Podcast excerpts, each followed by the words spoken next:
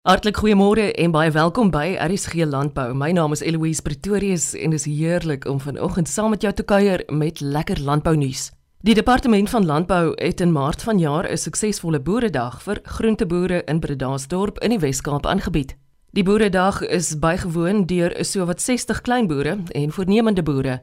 Dr Ian Goldie van Nooit Gedagte Varsprodukte het gesels oor die ontstaan, groei en huidige stand van sake van die hidroponiese plaas by Bredasdorp Park. Die projek is in September 2019 as 'n demonstrasieprojek vir Nampo Kaap begin. Die eerste direkte lewering van produkte in die plaaslike markte het November 2021 'n aanvang geneem. Die dag is gehou by Weskaapse Departement van Landbou en hulle kantore op Bredasdorp ons as ek nou sê ons dan is dit die maatskappy of die plaas wat ons hidroponiese produkte boer hier op bedaarstop en die gedagte het eintlik nou ontstaan op 'n sekere stadium dat die ondervinding wat ons met die besigheid opgetel het oor die laaste 2 2 en 'n half jaar van ons bestaan die landbou ouens het gevoel daar is mis, miskien net ondervinding daar wat met ander uh, voornemende mense of mense wat hierdie selfe iets wil doen daar's ondervinding wat hulle moontlik kan eh, weet gebruik maak van. En die gevoel was dat die die beste manier om dit te deel sou in die vorm van 'n ek wil op 'n getekende boeredag wees. Dit was nie 'n oop dag nie. Die mense wat bygewoon het is genooi.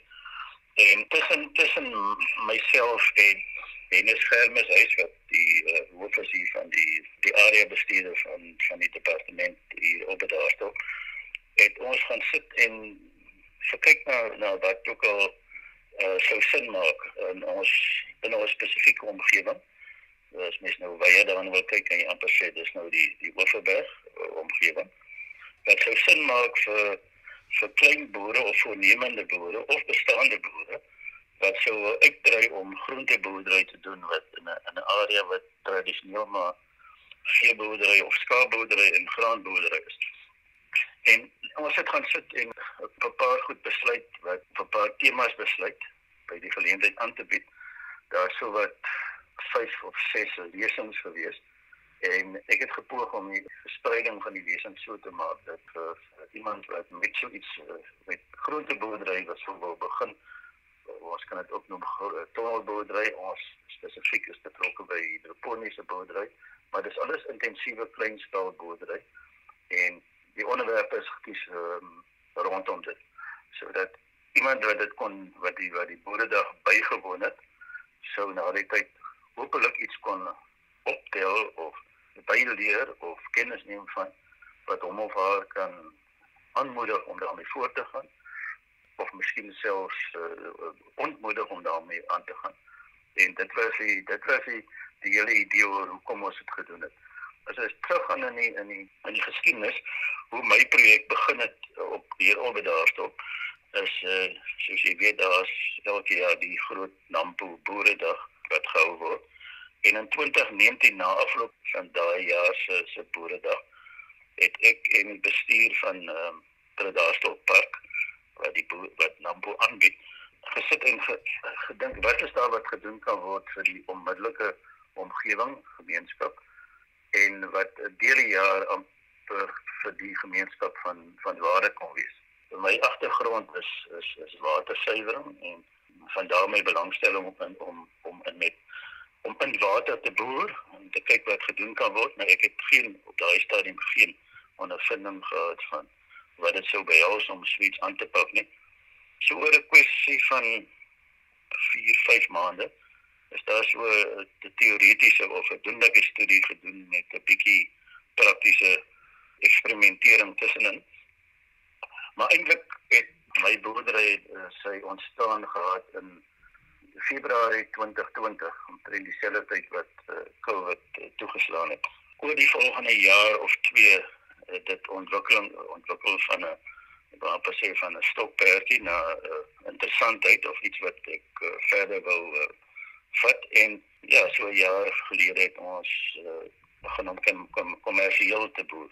Ek dink die leerkurwe wat ons deur is, elke mens gaan natuurlik sy eie stel omstandighede hê.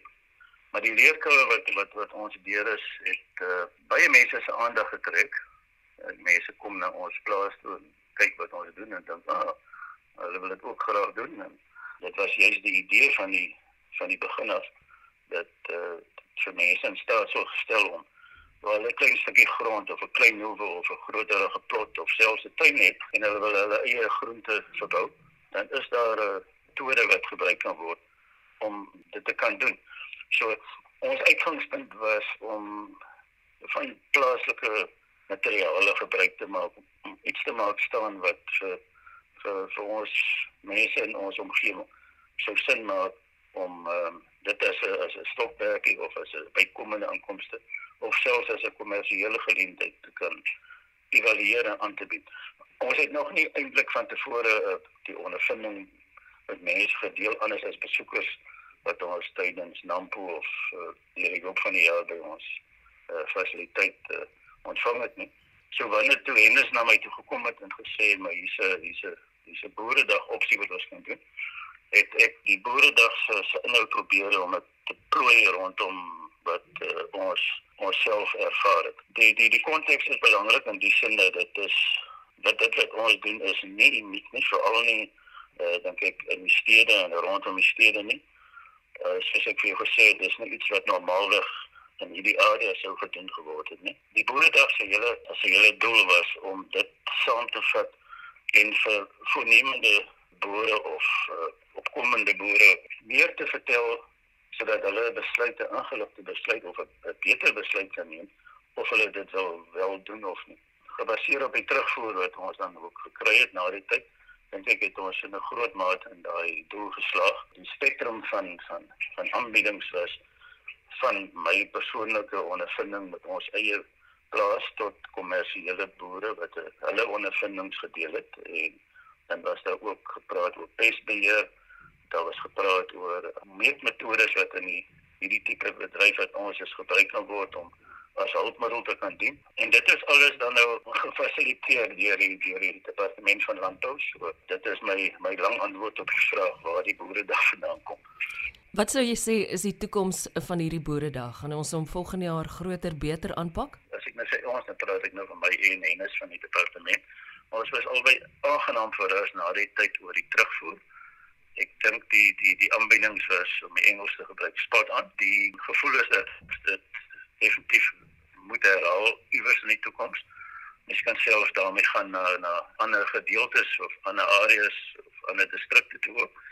Alhoewel ons oor die bywoning of die verteenwoordiging was uh, nogal wyd van van die Skiereiland en die, die Oeverberg omgewing. Maar uiteraard in 'n volgende ronde sou mens opvolg wat hierdie keer gesê en gedoen is en ook uh, miskien met koppel aan 'n bietjie praktiese blootstelling. Daar was tydens hierdie hierdie boeredag 'n besoek aan aan aan ons plaas gewees, maar dit was baie op 'n baie informele basis. Miskien is dit iets wat by 'n volgende geleentheid meer formaliseer sou. Sou mens iewers te wete kon kom oor wat op hierdie dag bespreek en ontdek is as jy nou nie self daar was nie. Die dit departement weet die landbou is besig om 'n uh, eh, iets saam te stel wat die die aanbiedings uh, vervat wat wat uh, daar gemaak is.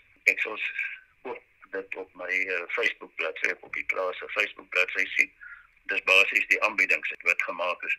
Die weier belangrikheid of die weier trefkrag van dit was eintlik dan nou die die gesprekke wat wat dit geïnisieer het wat oor middagete en by die plaas na die dit plaasgevind het. En dit is waar die bywoning natuurlik vir jou so 'n bietjie van 'n voordeel gee bo deur net te lees wat daar gebeur het of gesê is.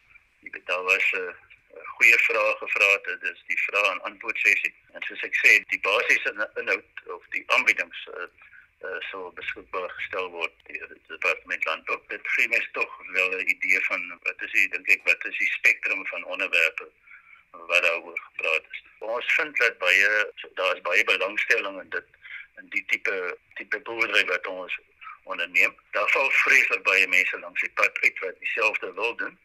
So daar's 'n paar goed wat klisjées is wat mense baie maklik gebruik om te sê hoekom hulle dink hulle sal suksesvol wees. Sekerlik met boerdery in die algemeen, maar dit met hierdie meer intensiewe boerdery wat 'n bietjie verwyder is van die normale area wat dit sou plaasvind.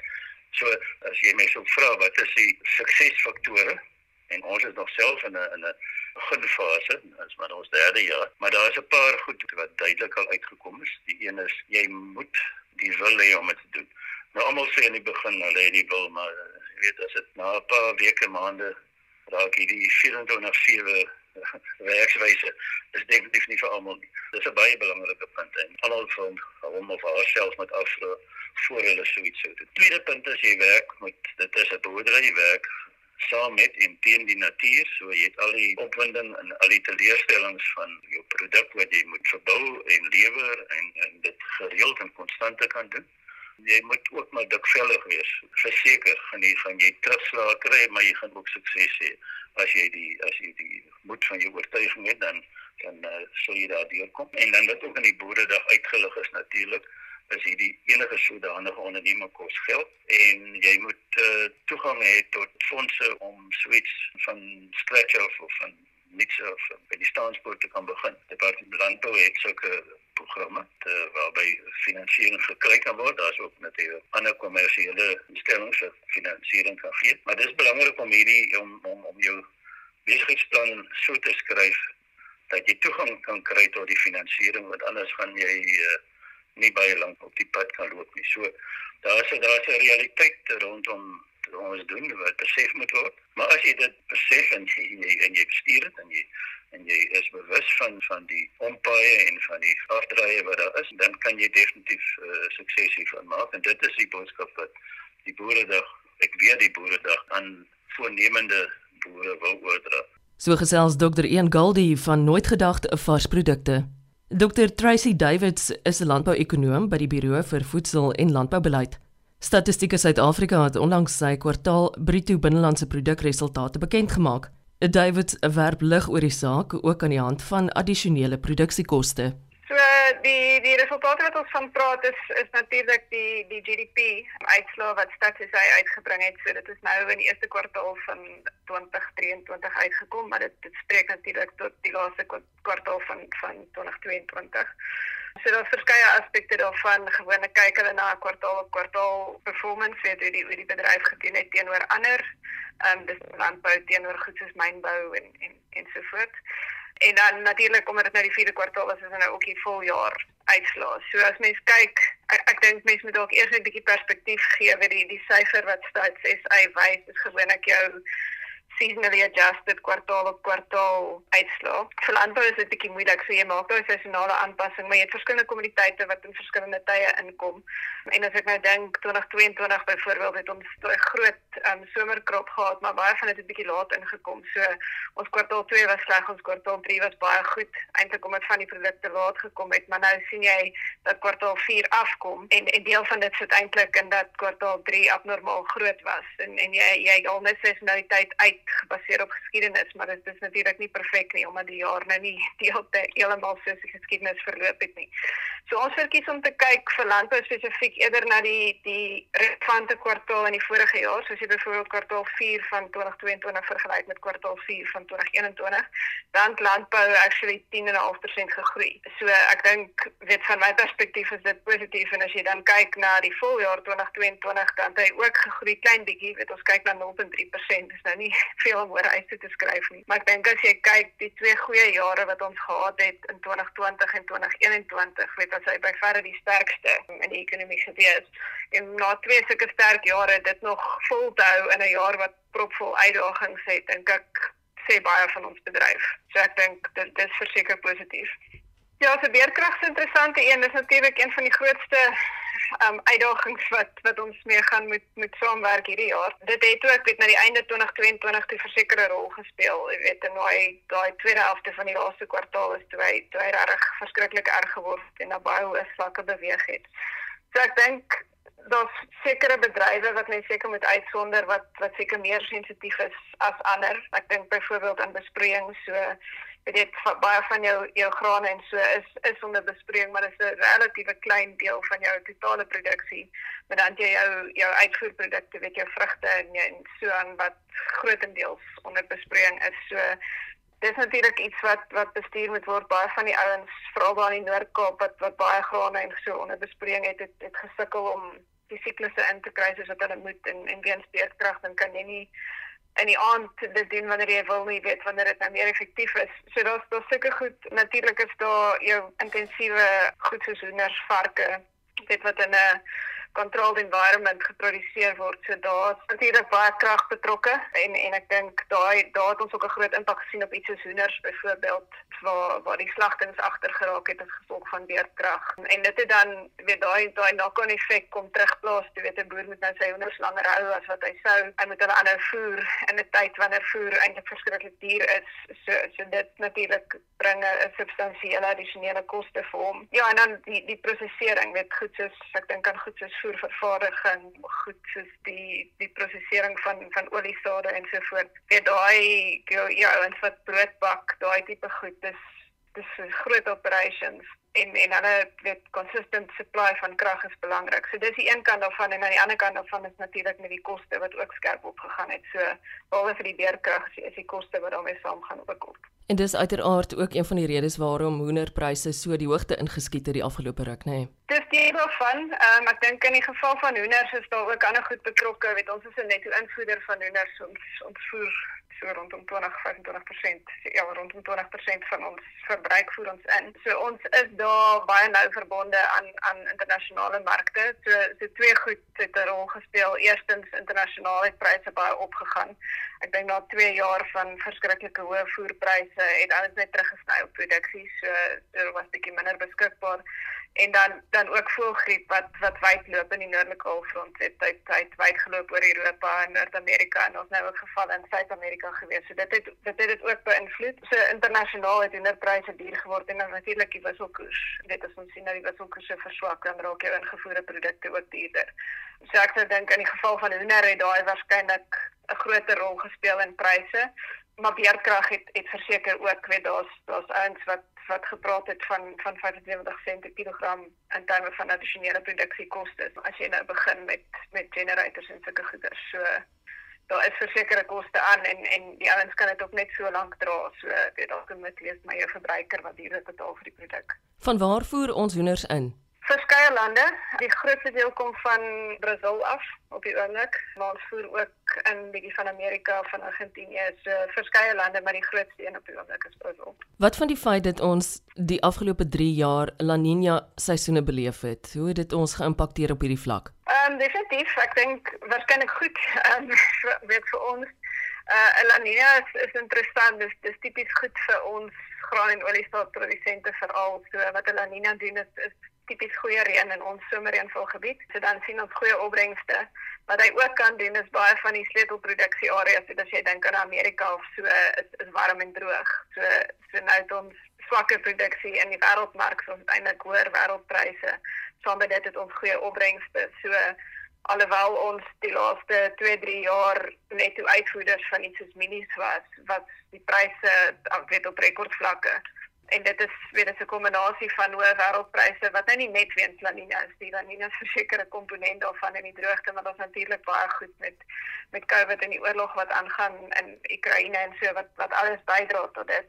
Maar ons het rekordoeste teen rekordpryse gehad en dis natuurlik goed vir 'n produsent. Jy moet bysê hulle insetkoste ook baie opgegaan, maar as jy kyk na die laaste 2-3 jaar was ons grondprodusente die sterre gewees wat wat wat landbou opgedruk het. Wat het vir jou nog uitgestaan van jare wat regtig opvallend en interessant was? Ja, ek dink 'n paar goed. Uh, ek dink ons het nou ons het nou reeds gesels oor beerdkrag. Ek dink dit iets is iets is die oorlog wat in Oekraïne gebeur. Daar's 'n paar goed in die wêreld um, wat natuurlik vir ons belangrik is en en veral ook belangrik is vir ons uitvoer georiënteerde produsente. Ehm um, dit so hulle het hulle het nie so lekker jaar gehad soos iets soos die grane byvoorbeeld nie. Ons grane het baie goed gedoen. Ons lewende hawe het het relatief goed gedoen met hoë pryse, maar hulle voerkoste was ook verskriklik hoog. Maar dan weet ons ons uitvoerprodukte wat oor die laaste sê 10 jaar seker die ster was, het dit weer bietjie swaar getrek. So ek dink weet wêreldgroei is, is is stadiger en die ouens sukkel met inflasie. Hulle probeer inflasie onder beheer kry dat terwyl groei ook nie vreeslik sterk is nie, so daar is verseker iets om iets om dop te hou. Ek dink in terme van verskeping in ons hawe was daar baie uitdagings gewees en en ek dink jy moet jou daarvoor vir ons ons uitvoerders en ons vrugteprodusente die tipe volume wat hulle uitgekry het en deur beweeg het te midde van van daai uitdagings dink ek is fantasties. In baie gevalle ongelukkig het dit die kwaliteit bietjie beïnvloed. Weet as jy goed langer staan as wat dit moet staan, dan ben vir die kwaliteit dan kry jy nie dieselfde pryse nie, maar nou ja, terselfdertyd baie van daai daai markte is, is die vraag ook nie so sterk soos wat dit altyd was met alles wat in die wêreldekonomie aangaan nie. So maar ek dink ons ons vrugte die die uitvoervolume was was sterk geweest in meeste vrugte en ek dink daar's nog groei op pad.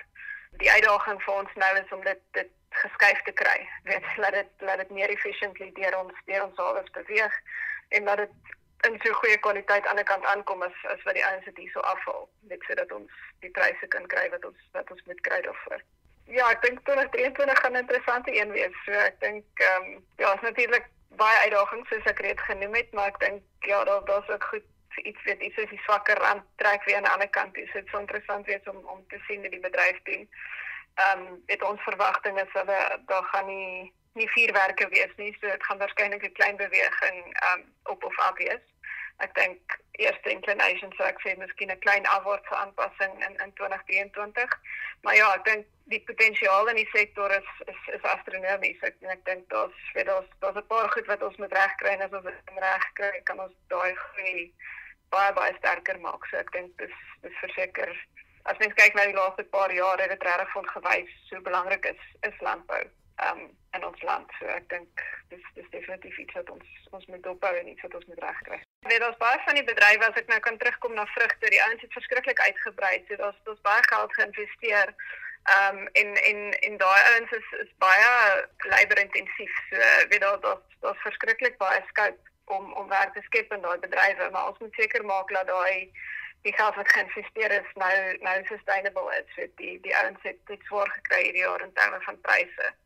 So as ons as ons nie die issues gaan uitsorteer sodat die ouens die pryse kry wat hulle moet kry nie, weet dan dan verloor mense daai opportunity. Maar maar daar is baie, soos ek sê, daar's daar's baie volume op pad en en ons moet seker maak ons ons kry dit om te werk. Dr Tracy Davids is 'n landbou-ekonoom by die Buro vir Voedsel en Landboubeleid. Elandri Snyman is koördineerder van die Wes-Kaapse Jongboer van die Jaar kompetisie. Sy sluit volgende by ons aan met besonderhede rakende pryse wat vanjaar op die spel is en wat die vereistes vir die kompetisie is. Elandri, die inskrywings is oop vir die kompetisie, maar ek wil eers vir jou vra, gee my 'n bietjie agtergrond oor die saak. Hoe lank, hoekom en wat het dit al vir mense beteken? Eloise, hierdie is 'n georganiseerde landbou kompetisie. Hy kom al as van 2009 af. Ehm um, dit word gedryf deur Agri SA, so dis eintlik die Agri SA Toyota Jongboer van die jaar, dis 'n nasionale kompetisie. So elke provinsie het dan ook sy kompetisie. Ons een Agri Weskaap Santam Jongboer van die jaar. Hy gaan dan nou deur na die nasionale kompetisie wat so einde November aangekondig word. So ja, ons is opgewonde. Kom ons praat eerstens oor pryse. Wat is vanjaar op die spel? Hierdie jaar het ons 'n lekker pryspakket. Hy's ongeveer ter waarde van 100 000 rand. Dit sluit in 'n naweek wegbreek by Gondwana Lodge, twee vliegtuigkaartjies deur Lift Airlines, ook 'n kontantprys van 20 000 rand, 'n arbeidskenner pakket, dan het ons ook 'n bemarkingsvideo deur Lucent Lands. Verduidelik tog aan my die vereistes. Die vereistes, weet jy Eloise, daar's maar twee hoofvereistes wat uitstaan en dit is die kandidaat moet 40 jaar of jonger wees wanneer hy inskryf en hy het ook 'n uh, opbetaalde lid van sy landbouvereniging vir minstens 1 jaar wees. Waar skryf ek in en wanneer is die sluitingsdatum? Eloise julle kan of kandidate kan inskryf deur om ons Agri Weskaap se webtuiste te besoek. Hy kan ook deur sy plaaslike landbouvereniging inskryf. Hy kan die kantore lykie gee waar ons direk met hom kan kontak maak en aansoeke sluit einde April, 28 April 2023. Jelandri, ek kom self op pad, 'n baie lank pad met hierdie kompetisie en ek weet persoonlik ook wat dit vir mense beteken het, nie net die wenners nie, maar ook die deelnemers. En by ja. dese wil ek ook sê en ek is doodseker jy stem met my saam. As jy hierna luister en jy het geringe twyfel in jou hart oor of jy dit het om deel te neem of nie, neem daai gedagte, parkeer dit en doen die moeite en neem deel. Jy het wat dit vat. Dit is 'n ongelooflike ervaring. Soos ek sê, nie net vir die wenners nie, maar dis 'n wonderlike reis ook om aan deel te neem as jy 'n landbouer in Suid-Afrika is. Ek stem 100% met jou saam. Ons het ook al met ons vorige of 2022 se wenner gepraat. Dit het vir ons gesê een Cunningham, dit is 'n wonderlike manier om jouself ook te meet, om net 'n bietjie terug te staan en te kyk wat doen jy elke dag. Ehm um, en dan is daar ook 10 spesialiste. Dit is nou die beoordelingsspan wat jou plaas kom besoek wat dan nou vir jou raad gee en ook dan nou daai maatstaf om jouself te meet. En ek meen dit is 'n uitstekende platform vir jong boere van die Wes-Kaap om ook al staal te wys en die talent wat hierdie provinsie ook bied en dit is enorme blootstelling en bemarking ook vir jou besigheid. En dan is dit ook 'n goeie manier om jong boere betrokke te hou by georganiseerde landboustrukture. Ons het nou die dag gepraat en gesê die gemiddelde ouderdom van 'n kommersiële boer is 62. So dit is belangrik vir ons om die jong boere betrokke te hou in georganiseerde landboustrukture en dan as jy dan nou ook 'n ambassadeur vir die Wes-Kaap. Uitstekend. En ek glo vas ook, jy weet, dis 'n wonderlike geleentheid om jou eie persoonlike netwerk uit te brei en jy skakel ook met kenners. Daar's wonderlike geleenthede vir mentorskap en die mense wat jy gaan leer ken deur hierdie proses gaan vir altyd vir jou van waarde wees. Elandri baie dankie vir jou tyd en jou moeite. Alles sukses vir die kompetisie. Verlede jaar se wenner, Ian Cunningham, is aan my wel bekend. Ons het al heerlik gesels hier op RSG Landbou. Sterkte vorentoe. Dankie Louise, mooi bly. Daar het jy dit, pryse ter waarde van 'n 100 000 rand is vanjaar op die spel. Besoek so gou moontlik Agri Weskaap se webtuiste om in te skryf en onthou die sluitingsdatum is volgende Vrydag 28 April. Elandri Snyman van Agri Weskaap is koördineerder van die Weskaapse Jongboer van die Jaar kompetisie. Jy het pas geluister na RSG Landbou. Die program is ook beskikbaar op die webtuiste www.elsenburg.com. Ek is Eloise Pretorius en ek groet tot môre om 12:15.